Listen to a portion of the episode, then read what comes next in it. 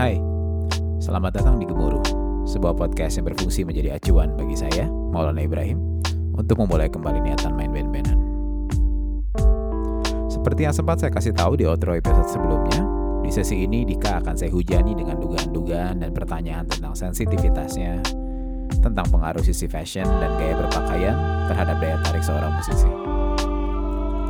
Buat yang ingin tampak keren tapi tetap terlihat pantas dan layak, simak baik-baik ya. Jangan lupa minum air putih dulu. Selamat mendengarkan. Sama mungkin jadi nyambungnya kayak ini, Dik. boleh ceritain dikit nggak apa waktu pas udah rilis collapse gitu. Kamu taruh ekspektasi seberapa besar gitu satu untuk itu bisa di well receive sama orang-orang. Sama yang kedua, urusan strategi rilisnya boleh diceritain nggak? Karena menurut saya uh, apa ya model uh, ngerilis rilisan fisiknya dan activationnya pada saat itu mungkin belum semasif Instagram kayak sekarang tapi somehow it works aja gitu. Boleh diceritain nggak ada strategi detail gitu? Kalau disebut strategi detail sejujurnya nggak ada dok. Jadi bukan saya nggak mau ngasih tahu cuman oke. okay. kalau ditanya teori gitu ya ini tuh kayak pertanyaannya kayak gini dok. Kalau saya datang ke seminar atau jadi pembicara brand clothing gitu ya hmm gimana sih tips untuk membuat brand yang sukses? Oke. Okay. Jadi nggak ada gitu, nggak ada poinnya tuh. Jadi sebenarnya aja sebenarnya. Oh ya, jadi nggak ada exact point uh, how to gitu ya, one on one gitu, how to succeed. Nah itulah, itulah pokoknya. Hmm. Jadi kalau saya sebenarnya insting, pure insting terus ngalir gitu aja. Yang saya suka uh, yang saya bisa nih saya tuh sebenarnya nggak desain nggak bisa. Main musik pas-pasan gitu-gitu aja. Jadi saya tuh sebenarnya cheating gitu. Cheating tuh maksudnya uh, curang dengan cara ya yang saya bisa aja. Tapi kok orang tuh bisa suka gitu. Oke. Okay. gitu terus saya makanya tadi uh, di di musik di brand di fashion somehow punya insting apa yang lagi orang suka gitu apa yang lagi orang suka uh, terus dari mulai color palette gitu ya dari warna yang kita pilih teh hmm. itu teh udah dipikirin dok pada okay. waktu itu mau brand mau musik gitu ya eh, collab teh pink gitu hmm. untuk album Griff teh dan uh, Cloud November teh harus pink terus gitu berikutnya nanti apa gitu sama kayak brand juga uh, gitu uh, hari ini eh, tahun ini min uh, tahun hmm. depan biru. Jadi kalau dari saya mas uh, dua sih paling ya. Satu uh, menikmati prosesnya. Apa pun yang kamu lakukan gitu ya. Jadi uh, kalau bisa tadi saya pertanyaannya gitu gimana cara bikin strategi yang oke? Gimana cara bikin brand yang bagus gitu supaya sukses di pasaran? Nggak bisa eh saya nggak bisa jawab karena itu mah berjalan dan saya menikmati okay. proses itu jatuh bangun gitu. Dan sama halnya kayak itu kayak kayak kayak band gitu. Terus kedua ya konsistensi itu yang sulit yang sulit. Komitmen. Hmm. konsisten dan komitmen sama yang kamu uh, pasang di awal gitu. Sampai goals. Itu dok. Kalau saya gitu sih. Jadi sebenarnya nggak ada nggak ya sok. Tapi sebenarnya dua-duanya plan kan? Maksudnya apa Ya, saya accidentally, bilang, accidentally okay. plan gitu. Oke. Okay. Jadi nggak ada, ya. maksudnya gimana ya uh, strategi marketingnya? Kalau saya itu, uh, saya masih sensitif nggak sih dengan dunia dunia bisa dibilang dunia digital, hmm. tren fashion, tren musik. Saya tuh masih sensitif nggak sih? Makanya pada hmm. waktu itu teh 2016, 2000 dah ya 2015 atau 2017 teh saya benar-benar intu sama sosmed, intu sama naon sih uh, orang teh interestnya apa sih gitu pada waktu hmm. itu. Jadi iseng-iseng tapi sebenarnya research tapi nggak kerasa gitu ya. Ya gitu. Researchnya tapi bukan bukan untuk keperluan musik aja pada waktu itu emang keperluan brand, keperluan clothing pada waktu itu teh. Gitu senang pisan research, senang pisan digging apa yang jadi interest orang-orang gitu. Jadi sebenarnya collabs itu emang kayak produk sih, Dok. Jadi dari dari awal dari awal kita bikin, bikin teaser, bikin launchingnya, terus after launching, terus manggung, itu tuh sama ketika kita, saya ngerilis produk, bikin teaser, terus bikin lookbook, Hmm. view-nya, eh apa looks-nya akan seperti Look-nya ini, gimana? dibikin mood board, jadi treatment-nya sama gitu. Makanya kalau yang ngeh mah base club atau arena tuh, ya Aina sidika sidika banget meren gitu. Itu karena sama, sama pas kalau ngelihat ulang si ini si video klip apa? Apa lagu pertama teh anjir? Given. Given. Hmm. Ngeliat video klipnya Given kan kayak seneng dalam artian wah ini tuh fresh.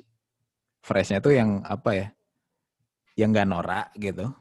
Tapi kelihatan effort kalian tuh effortlessly cool aja gitu. Anjir nah ini nih gitu kayak apa ngelihatnya dan apa ya nggak nggak pretensius being berusaha nyeni atau Mhm. ada pesan moral di belakangnya gitu. Mhm. Jadi nunjukin bahwa main band teh fun tapi bisa tetap terlihat keren gitu. Nah itu tuh kayak rasanya emang bener sih yang kamu bilang kayaknya ya, pas pas nonton Given video klip itu kayak nontonnya kayak lagi nontonin ini, nontonin video apa eh, Spring Summer articles gitu loh. That's the Ya, point. wah ini ya kayak jadi jadi nangkep juga sih kayak apa ya? Jadi dan somehow- sebegitu sebegitu perhatiannya sebenarnya saya sama sama looks gitu ya, Dok, sama baju Hmm. yang saya pakai, sama ya mungkin band yang lain juga sama ya, cuman itu yang mau saya tonjolin juga, jadi nggak hanya musik sih sebenarnya. Looks-nya, terus estetikanya, color palette-nya, gitu. Dan turunan-turunannya semuanya lah. Nah, itu itu berarti visual yang juga ditampilin pas ketika main live kan ya? Ya, cuman eh ya sama lah. Kalau misalnya awal-awal main live juga nggak semulus yang kita harapkan gitu. Maksudnya eh, trial and error masih ada. Ya harapannya ada, cuman pada waktu eh, di lapangan ya mungkin ada sesuatu lah gitu. Itu jadi jadi Tapi pertanyaan semuanya- baru nih. Hmm, Eh, Apa? Jadi pertanyaan baru, maaf motong. apa-apa. Waktu pas si, Mark 1 gitu, squad yang nemenin kamu eh, Grief Cold November gitu. Itu milih Dawan, milih Aldi sama si Kiki, itu ada parameter looks juga nggak yang kamu pilih gitu? Kayak ini personanya jadi sih iya gitu. Kenapa ketawa? Ya, betul. ya, betul, betul, betul. Nyampe, eh. Jadi Iya kan? Oh iya, sih. maksudnya ini kejadian sampai sekarang, Dok. Maksudnya kejadian sampai sekarang, kejadian sampai bikin project baru teh. Misalkan si Hasbi gitu ya. Hmm. Di kurang nyen band deui jeung mana yuk. Nya si Hasbi teh udah tahu gitu orang teh gua teh nanti bakal kayak gitu juga. Di Oke. Jadi bukan sebenarnya bukan yang harus good looking sih, Dok. Maksudnya Nah. dia percaya diri sama percaya diri dan sayang sama diri sendiri lah. Hmm. Urusan Oke. penampilan. Ya. gitu Oke. jadi nggak bukan yang kasep sebenarnya mah Iya. gitu. Cuman orang tuh ngelihat ngelihat ya charming gitu kan jatuhnya karena apa? ya sebenarnya lebih ke gitu. simpelnya mah gini dok di panggung empatan kan Tek, tek, tek. Hmm. Mungkin nu kanan boncel gitu misalkan deh Anjir, jangan jangan jangan bahaya dok bahaya dok nggak apa-apa. Iya maksudnya apa badan nggak tinggi gitu kan. mijet gitu misalkan Nyelipar. aduh tolong tolong itu di delete aduh. Nggak nggak bakal. maaf maaf maaf maaf ini soalnya sekarang Iya. keras eh keras Iya, internet keras cewek. itu itu sih kayak ini juga kemarin saya ngomongin juga masih Aldet. Saya mempertanyakan apa Hills tuh mikirin gak sih urusan gitunya gitu kayak setiap orang ada personanya karena Hills kan kayaknya gitu juga kan personanya kuat gitu sendiri-sendiri di diberikan kebebasan sok pakai baju apa jadinya makin ke sini kan karena apa ya ya karena faktor informasi teknologi teh teknologi informasi itu makin gampang buat ngakses gambar dan video jadi kan orang juga ngeliatin kayak ya simple as kayak si Bara Suara gitu album pertama manggung dress code-nya kurang lebih sama itu terus gitu. Jadi orang tuh udah nempel oh jagoan orang mah Ranger merah gitu. Kayak memberikan asas kayak gitunya. Nah terus itu kayak saya sampai kemarin juga ini tuh bahas juga kan pas lagi mikir aja ntar kalau pas kita main live bajunya kayak gimana ya gitu. Karena nggak pernah kepikiran segetek itu gitu. Kalau karena saya mah kan mungkin nggak nggak terlalu sensitif sama fashion gitu. Jadi ah serius nih kebetulan ini pertama kalinya saya main vokal gitu nyanyi di depan lu tuh harus pakai ini dan pakai ini biar remarkable gitu biar biar di notice dan orang tuh nempel anjir harus gitu ya gitu saya saya makanya ini lagi berusaha mencari apa validasi gitu kayak salah satu yang mungkin layak untuk memberikan jawaban tuh kamu kan karena satu di koleksi kamu mengimplementasikan itu dan dan di pekerjaan sehari-hari pun kamu ngurusin brand fashion gitu jadi ternyata Oke, meter sih meter cuman dari awal sebenarnya saya udah meng, memperhitungkan itu dan merencanakan itu tanpa harus dikasih tahu dok. Jadi saya nggak pernah di Elis atau di Collapse bilang hmm. Mana pakai baju ini ya. Eh okay. jangan pakai baju itu gitu ya. jangan pakai baju itu tuh bagusnya nggak pernah sebenarnya karena saya udah tahu pas saya milih orangnya. Nah, okay. Dawan mereka udah pasti taste-nya gitu.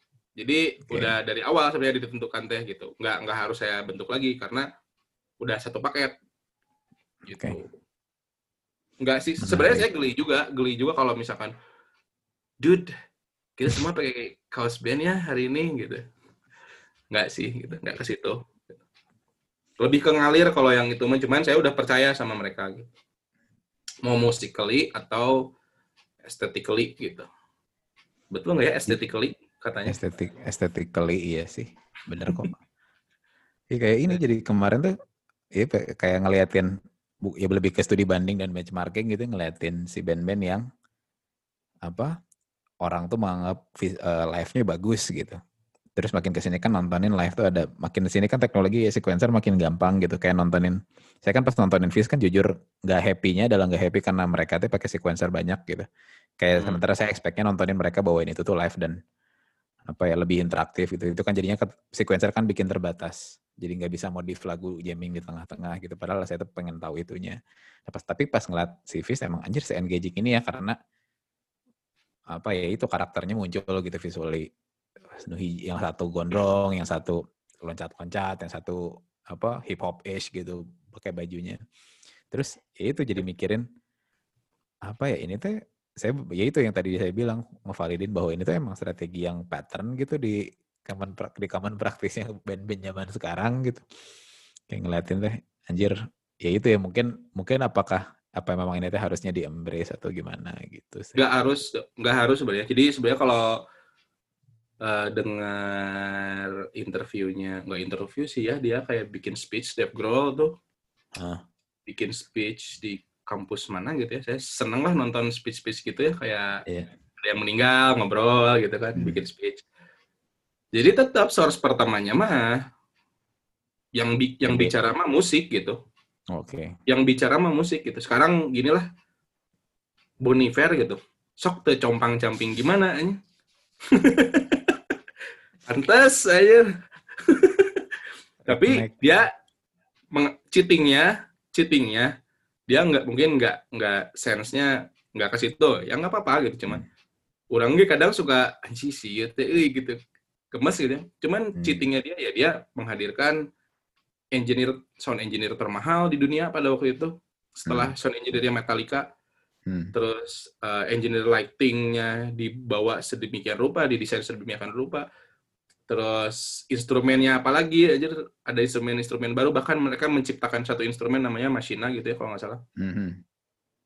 Ya maksudnya orang orang pribadi nggak bisa ke situ gitu, belum bisa meng, uh, provide itu. Jadi orang cuma bisa tadi uh, musically dan aesthetically ya gitu.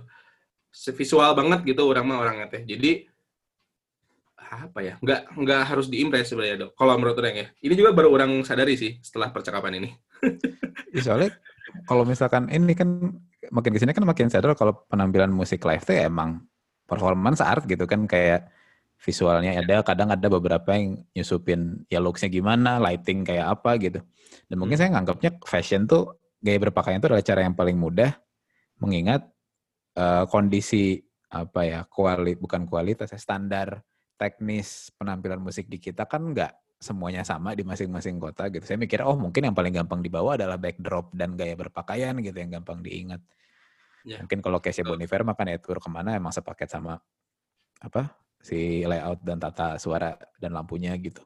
Tapi jadi kepikiran tuh itu kayak apa ya? Bahkan nontonin apa ya satu band yang saya nggak nyangka bahwa mereka teh uh, baru nyadar, maksudnya bukan gak nyangka, baru nyadar ternyata si personanya kuat tuh adalah ya si ERK gitu. Kayak nontonin efek rumah hmm. kaca tuh, ya emang selain si musik dan emang mereka bawain magis banget, tapi kayak kita tuh bisa ngelihat bahwa oh yang main bass tuh gini apa jogetnya selalu gini gitu dan gaya rambutnya seperti itu itu yang yang saya yakini adalah mereka tuh ya just being themselves gitu ya masing-masing tapi rezekinya memang matching aja gitu mereka tuh dengan si paketnya ya nah, jadi kalau kalau kalau yang tadi kata si Devro source-nya mah pertamanya memang musik mah ya, ya itu kayak si RK gitu. Jadi ke sananya mah ya hmm. tinggal kita yang menilai aja gitu. Si musiknya udah bicara gitu. Oke. Okay. Sudah mewakili. Nah kemarin teh jadi agak nyambung dikit. Uh, tapi lo kalau kan, misalkan musiknya oh, RK, coba. musik hmm. RK nih, tapi setelan misalkan cangcuter gimana? Terwakili tuh iya sih. Tiba-tiba jadi cangcuter gitu. Misalkan si Kolilnya tuh rambutnya gitu. Bob.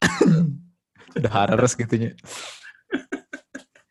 itu sih kayak, iya sih. Jadi saya mikirin, sebenarnya apakah emang di kepala kita tuh udah ada, bukan stigma ya, uh, stereotype gitu.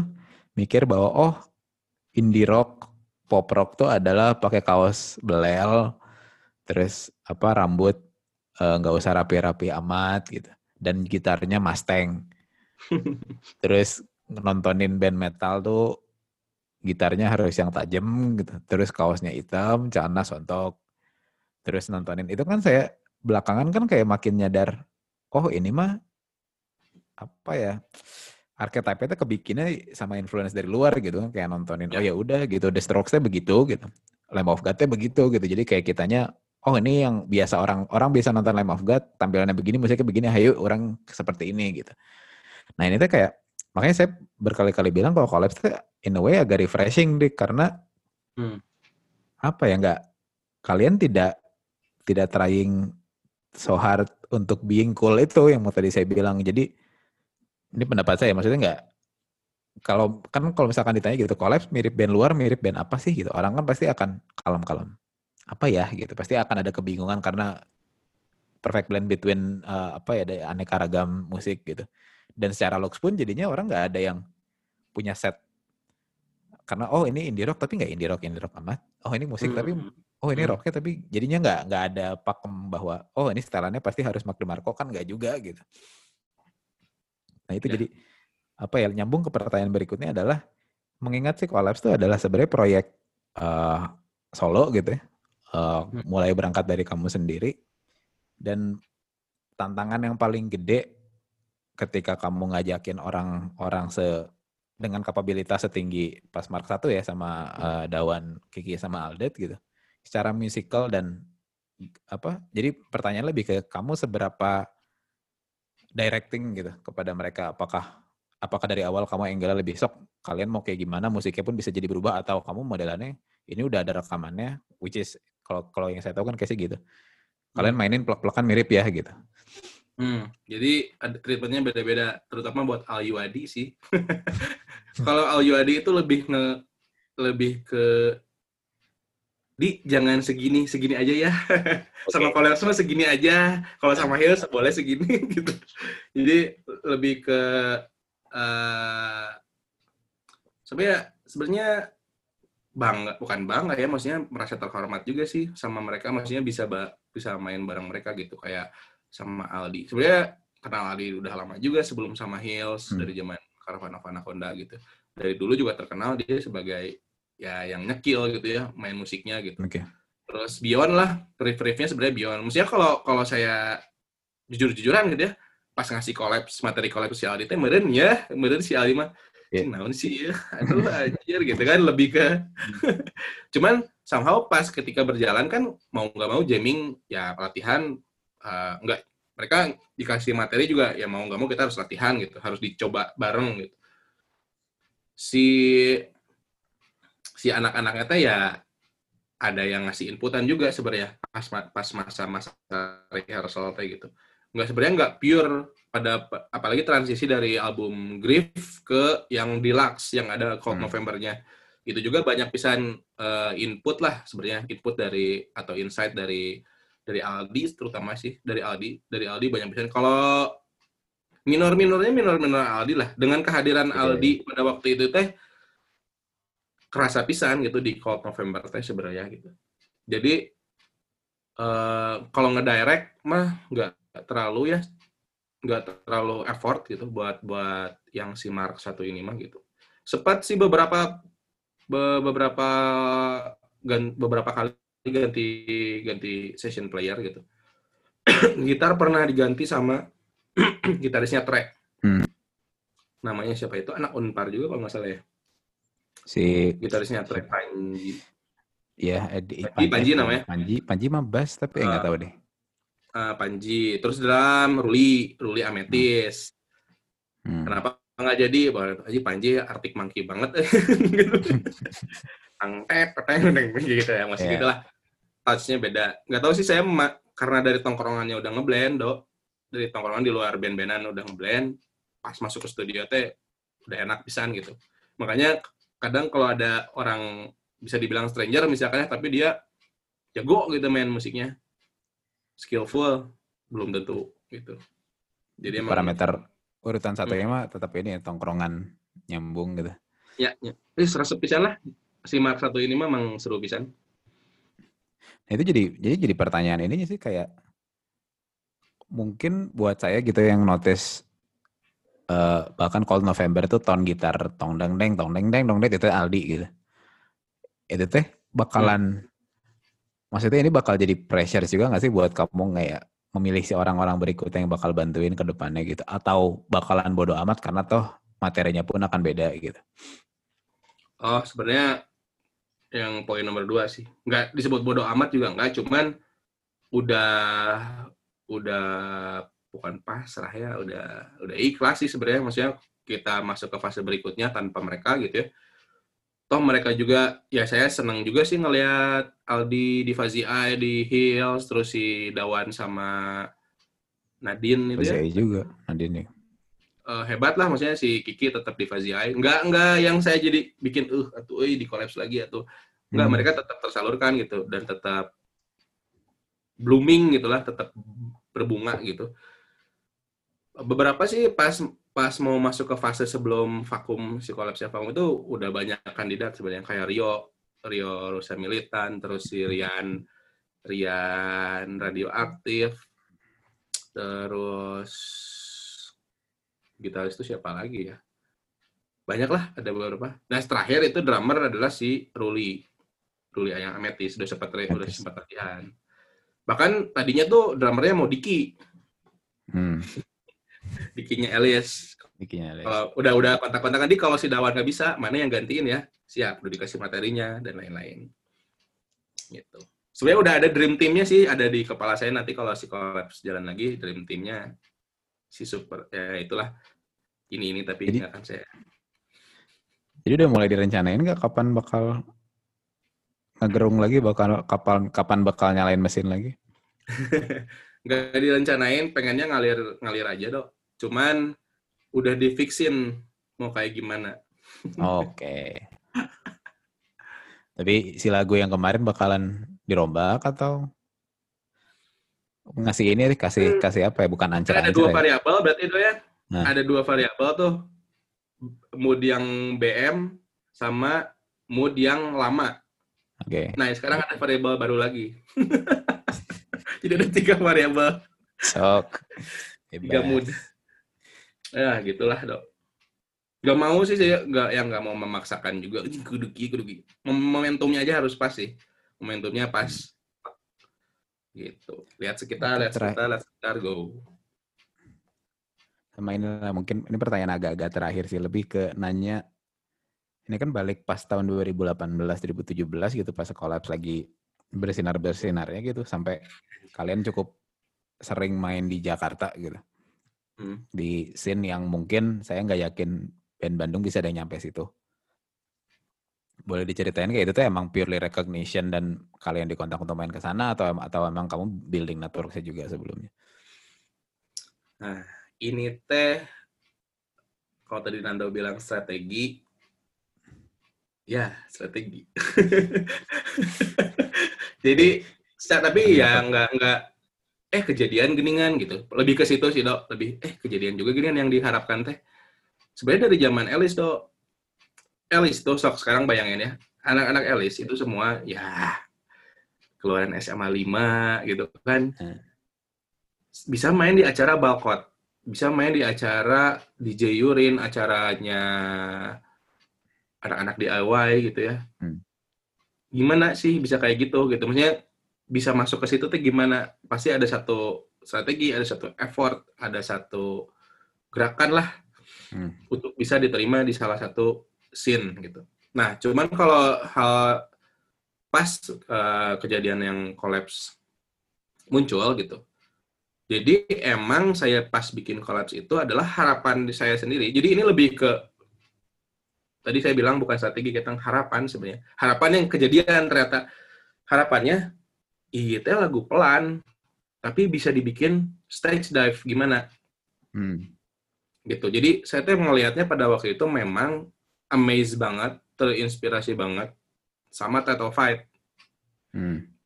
gitarnya kayak gitu beatnya kayak gitu drumnya kayak gitu nyanyinya kayak gitu tapi kenapa penonton teh bisa stage dive gitu bisa moshing yeah. bisa dive, bisa sing along gitu somehow si kultur uh, hardcore yang kayak gitu, transisi hardcore ya, kebawa ke Jakarta. Jakarta hmm. selalu duluan. Yeah. Selalu duluan, selalu menerima. Bandung biasanya, oh, oh sekarang teh nyusul. Tempat, eh, sekarang teh turnover gitu. jadi emang momentum. Jadi pas lagi rame Title Fight, pas lagi rame nothing, gitu. apa, ya, nothing ya nothing gitu kan ya, tapi uh gitu orang teh hmm.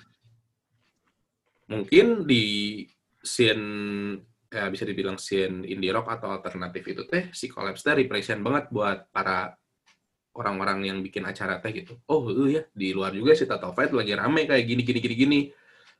Uh, penontonnya teh jadi kayak gini gini gini nih si Collapse kayaknya pas gitu. Dan emang harapan saya itu dari situ dari awal juga kayak gitu. Oke. Okay. gitu jadi bahkan kalau kalau si kolaps pada waktu itu lanjut teh eh sorry pada waktu itu sebelum si Given itu video klipnya Pink hmm. adalah video klipnya harusnya itu saya main live tapi di tapi di, dikerumunin oleh penonton yang penontonnya itu emang yang brutal gitu tapi lagunya hmm. gitu jadi emang emang represent banget emang nih kayak gini loh gitu sebenarnya si si musik itu kayak gini tapi mana bisa menikmatinya kayak gini gitu jadi emang emang disuapin gitu dok oke okay. Emang disuapin dari awal. Dari visual itu disuapin gitu. Ini kayak gini sih kalau mah termasuk urusan nempelin bunga di mic gitu. Ya gitulah. Tuh gitunya. Okay. paham lah kayak... pasti lebih paham. Kebetulan paham bukan lebih paham. Itu sih apa ya saya itu sih kayak kan selalu ya karena punya akses ya kan ada YouTube gitu ada PF Video Works gitu ada Hasif yang makin sering ngerekamin gitu.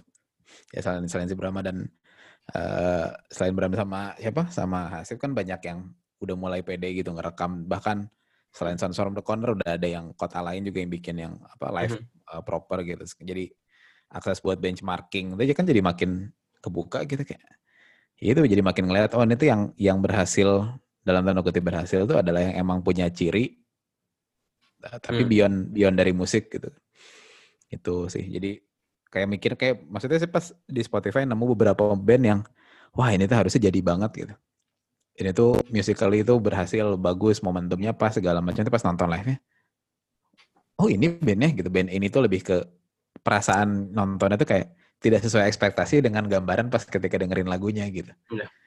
Nah itu kayak jadi sebenarnya gimana ya dik cara memformulasikan kayak nggak asosiasiin gitu. Ketika kamu denger oh collapse adalah looksnya akan seperti ini gitu. Visualnya seperti ini dan orang pun akan menggam, meng, orang akan melihat hal yang sama gitu. Hmm. itu, itu penasaran sih kayak dari kamu apakah emang udah aja tebal-tebalin referensi gitu atau sering-sering research gitu? Atau emang udah we itu mah ini aja apa? Intuisi gitu. Uh, intuisi udah pasti intuisi. Terus uh, yang tadi kamu sebutin ya betul semua sih sebenarnya. Intuisi digging. Kalau saya dari dulu zaman zaman kerja di arena itu dok pertama kali masuk di arena jadi distribusi ngangkutin karung ngirimin barang ke keluar kota. Nggak ada hubungan sama ah estetika desain gitu nggak ada. Pokoknya benar-benar manpower gitu ya. Gitu. Uh, tapi keinginan saya untuk mencari tahu apa yang ada di internet lebih besar daripada saya harus ngejahitin karung pada waktu itu teh jadi teman saya mah packing masukin karung saya mah malah digging las FM hmm. kesalurkan lah sama Mas Dani almarhum pada waktu itu si budak iya mah ngadon internetan wae gitu hmm. disuruh, disuruh kerja teh pindahin lah gitu ke divisi promo hmm. bagi nyambung kan bagi tambah nyambung tambah kesalurkan dari situ sebenarnya dari ya kalau saya cerita digging tadi poin digging tuh emang benar ngaruh si digging itu teh makin banyak referensi meskipun makin bingung cuman makin banyak insight sih gitu terus makin tahu kita teh harus ngelakuin apa ya gitu kalau saya tadi mentreatmentnya sama seperti kalau disebut formula nggak ada, cuman sama seperti mentreatment sebuah produk gitu. Yang sebenarnya susah tuh ininya ininya jadi kayak gimana caranya tetap bisa being yourself gitu. Tapi hmm. somehow yang kamu present ke orang-orang tuh orang bisa menerima dengan begitu mudahnya gitu kayak either perception yang sama dengan apa yang di kepala mereka gitu atau ya gitu ya gitu. Maksudnya kan mencari sweet spot antara terlihat sesuai dengan apa yang customer lah apa eh, penonton lihat tapi di saat bersamaan juga kamu merasa nyaman gitu untuk menjadi seperti itu kan yeah. kayak kadang kan saya suka ngelihat ada yang way too pretentious pengen oh kalau cewek zaman sekarang kayak Billie Eilish gitu oke okay, berarti harus neon berarti harus 3D textures gitu tapi kan orang bakal langsung oh iya mah neon dan kelihatan sih orangnya nggak nyaman gitu pakai rantai-rantai iya, gitu. Ya ya kuncinya ya kuncinya sebenarnya jangan jangan too pretentious jangan jangan terlalu sophisticated banget lah. Jadi uh, emang kalau ngelihat uh, visualnya kolaps dah emang kesehariannya saya kayak gitu gitu. Jadi nggak ada hal yang dipaksakan nggak ada hal yang dibentuk dibuat gitu. Emang kebetulan saya punya toolsnya uh, musik terus tim gitu ya. Visual saya saya saya jadi instrumen gitu si visual itu teh si video itu bagian dari instrumennya si kolaps juga. Jadi pakai aja gitu. Kan nggak saya jalan di jalan jalan kaki di jalan raya kan yang terlihat sama saya kan cuman outfit saya gitu ya. Muka sama outfit tapi saya pengen memperlihatkan hal lain yang cuman ada di kepala saya doang dan ada di hati saya doang si visual video klip itu atau mungkin tools yang lain atau instrumen itu mewakili pisan gitu. Jadilah itu gitu. Semengalirnya nggak ada paksaan. Emang emang pure kayak gitu. Emang yang saya pengen juga gitu. Yang saya suka. Jadi kepikiran kamu pernah pernah memberikan saran perihal ini gak sih kepada band lain gitu yang kamu punya interest kayak wah si band dia maksudnya ini kamu tuh punya bakat gitu dik melakukan itu maksudnya dan kamu melakukan ini setiap hari gitu dengan dengan kamu ngasih guideline di case-nya arena gitu maksudnya kan ngeliat arena sekarang tuh yang ngeliat arena uh, East Hoods dan Base Club kan kalau saya ngeliatnya kan wah ini mah relevan gitu ini tuh hmm. sekarang banget tuh maksudnya kalian berhasil gitu apa in a way rebranding dari yang sekedar distro Bandung gitu menjadi ya orang bisa bilang streetwear gitu. Nah maksudnya saya jadi uh, penasaran, kamu pernah eh boleh ntar boleh dijawab yang itu sama itu kamu pernah iseng nggak gitu kayak ada orang datang ke kamu terus mas pengen ini dong kasih konsultasi perihal looks gitu. ada satu sih yang pernah nge aja ngelain sih ya ngelain nggak kenal oh, iya, siapa. okay. stranger gitu ngelain tim nggak tahu dapat apa. Tapi pertanyaannya adalah mas pakai obat jerawat apa? Ah berarti iya enggak mas. Oh soalnya mukanya mulus gitu. Itu mas zaman kolaps lah. Zaman kolaps lagi sering gitu. Ini nanyanya awat jerawat tapi kalau kalau nanya musik so, kalau selama itu saya nggak kenal saya nggak kasih sih. Pokoknya bukan nggak kasih nggak bisa saya ngasihnya gitu. Beda pasti nggak connect gitu. Okay. kecuali saya kenal teman saya sendiri. Mana yang menerima nggak kalau saya ngasih satu inputan atau mau diaplikasikan nggak atau sekedar mau ngedengerin aja itu kejadian hmm. ada gitu dan at the end mah tetap sih semuanya balik lagi ke balik lagi ke bandnya nggak saya juga nggak mau kayak nurut yang apa kata si Dika gitu. Nggak mau kayak gitu juga sih. Setiap bandnya punya punya apa ya? Punya paham, punya aturan yang ada di internalnya lah gitu. Tapi Iya. saran kayak gitu ya pernah pernah. Menarik. Tapi gue jadi Kayak- konsultan gitu, naon gitu konsultan nggak nggak ada gitu kayak. Zaman sekarang mah gitu-gitu kan diadain dik dijadiin Iya kerjaan betul. tuh. Apalagi mau pilkada tuh. Nah, Ada ibu pembina, ada bapak pembina, naon gitu iya. kan. Lama-lama ada ibu pembina naon gitu.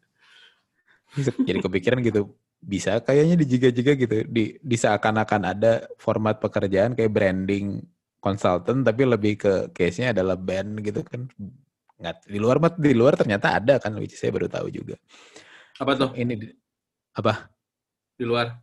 Iya di luar negeri itu ada. Jadi biasanya Kayak- mereka kayak nyam, manajemen gitu, manajemen. Heeh, nyam- nyambungnya sebagai satu line payungnya si manajemen either itu label atau si manajemen artisnya gitu.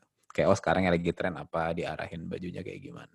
Nah itu teh kayak Oh, menarik gue gitu ternyata. Ya emang orang put, ternyata di Spotify juga ada beberapa kasus ada beberapa fake artis katanya ya Hmm, lagi rame. Jadi yang yang, ghostwriter yang gitu dibikin, eh, ya sama kayak Instagram kali ya bisa beli followers terus like-nya bisa otomatis gitu aneh ya, makin kayak absurd lah makin ya makin makin orang begitu udah ketemu loophole emang udah we diulik di situnya kan.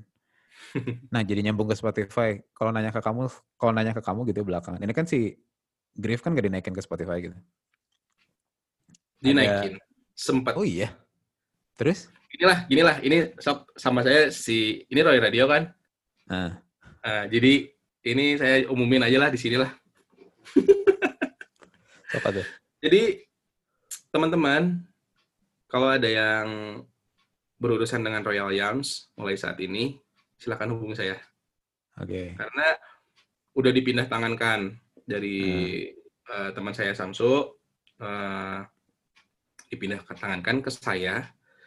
Dan Rian Arman, Rian Arman kenal gak sih? Hmm, Rian Arma, iya lagi main sama si Rio kan belakangan. Nah, sama si Rian. Jadi kayak misalkan saya nanti bakal nge-reach out sih, bakal nge-reach out eh, band-band eh, yang dipegang sama Yams kayak Veg, The Kuda, Reka. Jadi Samsu itu pada saat ini dia akan fokus untuk kerja dan berkeluarga sebenarnya. Jadi dia udah nggak kepegang. Ini nyambung dengan pertanyaan banyak pisan yang nge-DM, Mas kenapa album Griff nggak ada di Spotify? Karena kartu kreditnya nggak di renewal sama Samsung. Secuek itu. Secuek Oke. itu. Jadi dia merasa kayak "Ah, kayaknya ini harus diterusin, eh kayaknya gua mah percaya sama si Dika sama si Rian untuk nerusin ini gitu. Sok nih CD-nya, CD teman-teman. Datang jam 11 malam ke rumah ini bawa 7 dus aja. 7 dus isinya Oh, itu CD pas dan yang kamu posting foto Samsung main tuh itu tujuannya. absurd bisa nih Samsung bener. Ya udahlah, dipindah tangankan dulu gitu. Jadi nanti akan saya apa ya? Naikin ulang. reform gitu. Ya maksudnya nggak mau juga hilang juga sih Royal Lion saya. Ya sebisa saya lah, sebisa saya aja itu sama Rian. Iya, pas Gitu. Iya, jadi mikir Spotify deh, deh, ya hubungan sama yang jadi nyambung terakhir. Kalau menanya nih, kamu masih ketika kamu behavior kamu ketika pakai Spotify lebih ke yang kamu dengerin adalah maksudnya entry pointnya kamu klik search atau kamu udah udah aja rutinin dengerin playlist yang pernah kamu bikin sendiri atau kamu Hmm. klik related artist atau kamu ikutin playlist yang Spotify curate. Late, ya, ya akhir-akhir ini ya, akhir-akhir ini Hmm. saya lagi denger playlist yang sering di repeat. Jadi si Spotify bikin satu playlist kan yang selalu di repeat, Oh iya, yang selalu di apa tuh satu lagi? ya Di- repeat sama apa ya pokoknya adalah Kalau kalau Kalau penasaran. kalau di home tuh munculnya ya kayak personal heavy rotation gitu kan sebenarnya. ya yang on made for you gitu kan dan- daily mix gitu. Bukan daily mix. Jadi on repeat sama repeat, Repeat rewind. Ada dua, Hmm, on repeat Hmm. sama repeat rewind. Oke. Nah itu, tapi kan berarti yang on repeat yang sering saya dengerin gitu. Hmm.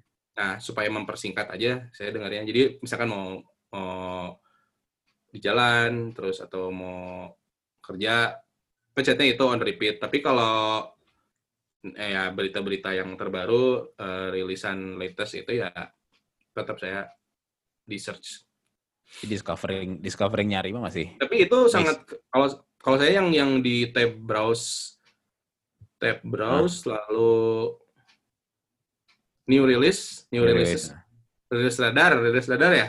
Hmm. itu kan based on algoritma ya yang Hmm. saya dengerin. Jadi artis yang direkomendasiin yang mirip similar gitu. Hmm. itu ya lumayan sih jadi discovering sesuatu yang baru di situ aneh eh Terakhir kamu- feelingnya feelingnya agak aneh gitu saya mah terakhir kamu menemukan band yang nggak ada intervensinya Spotify itu apa? Anjir yang ada di Bandcamp ya berarti. Lupa kayak somehow kamu nemu somehow kamu nemu atau kamu nyari terus anjing ini bagus tapi dan dan itu tuh nggak pernah nggak pernah direkomendasiin sama Spotify gitu. Oh eh, ya jelas City Pop Hmm, oke. Tatsuro dan teman-teman. Tapi sebenarnya itu dari istri saya sih. Jadi dari istri saya dicokokin sama istri saya sampai jadi oh, gila dia gila banget lah, gila banget. City pop Hmm. belakangan masih dengerin ini nggak musik-musik barunya Indonesia gitu Oh ada dong. Saya bikin bikin satu playlist eh, khusus musik Indonesia. Namanya adalah Puspa Puspa Puspa Puspa Ragam Karya. oke namanya Puspa Ragam Karya. Nah, ada itu lagu Indonesia yang terakhir yang saya masukin itu adalah di sebel sih tapi nggak apa-apa Ras Buana sama Raisa Raisa eh, Raisa apa nih? Bukan Raisa ya itu ya. Raisa Anggiani judulnya If You Could See Me Crying in My Room. Wow, oke dari judulnya teh anjir ini ada yang gini judulnya dengerin. Oke, masukin playlist. Di atasnya ada Malik, terus ada Mondo Gascaro, Mus Mujiono, Dian Pepe, Java Jan. oh Indonesia Pokoknya nomor iya. satu, nomor satunya itu di playlist itu adalah Tulus. Ruang sendiri. Gak tahu kenapa saya suka banget. eh ruang sendiri tuh yang mana oh iya oke ingat Habis itu Noah yang jalani mimpi. Jadi keren sih, aduh. Semoga si si Ariel nggak jadi caleg ya atau jadi apa gitu masuk politik. bakal lah dia mah waras Ya kan sekarang patternnya gitu. Iya berarti itu nanya terakhir band yang apa ya? Ya musisi yang misalkan yang baru gitu, yang baru-baru rilis kemarin gitu, kamu notice ada nama-nama yang menurut kamu mencuri perhatian nggak gitu kayak wah ini nih gitu. Kalau Yang ada di Spotify saya misalkan sekolah saya ngasih ya either Spotify atau segala macam. Kalau saya kan Ah. kemarin gara-gara baru tahu si Rap of Rap sama si Texpack gitu kayak anjing ya keren pisan eh gitu. Kayak Oh, terakhir banget sampai kemarin saya. Sebenarnya saya yang agak telat sih. Sebenarnya saya yang agak telat. hmm, Itu adalah si Pablo Picasso. oke. karena dia nge-remix eh, ya nge-remake lagunya Mondo Gascaro yang dan Bila itu saya nggak dengerin juga Mondo Gascaro nggak dengerin Pablo Picasso nggak dengerin sebenarnya si Pablo Picasso itu kan rame banget pas dia nge-remake lagunya Rich, Rich Brian kan Hmm.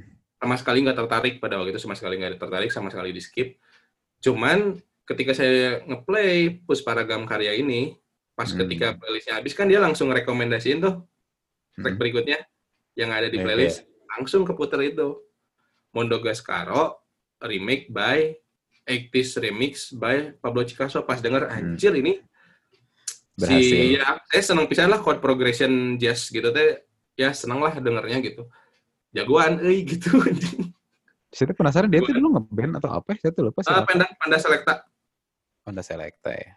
Hmm. Baru bikin EP kan si Pablo Picasso tuh. Lagu Ya. sendiri. oh saya belum dengar belum dengar masih masih berkutat di track ini nih Mondo Gascaro ini nih dan Bagus gila bisa. bagus bisa nanya kemarin gue barbekyuan sama anak-anak dengerinnya lagu itu Oke. biar nuansa Dik, ini deh pertanyaan paling terakhir sebelum kita Ya. tutup sesinya.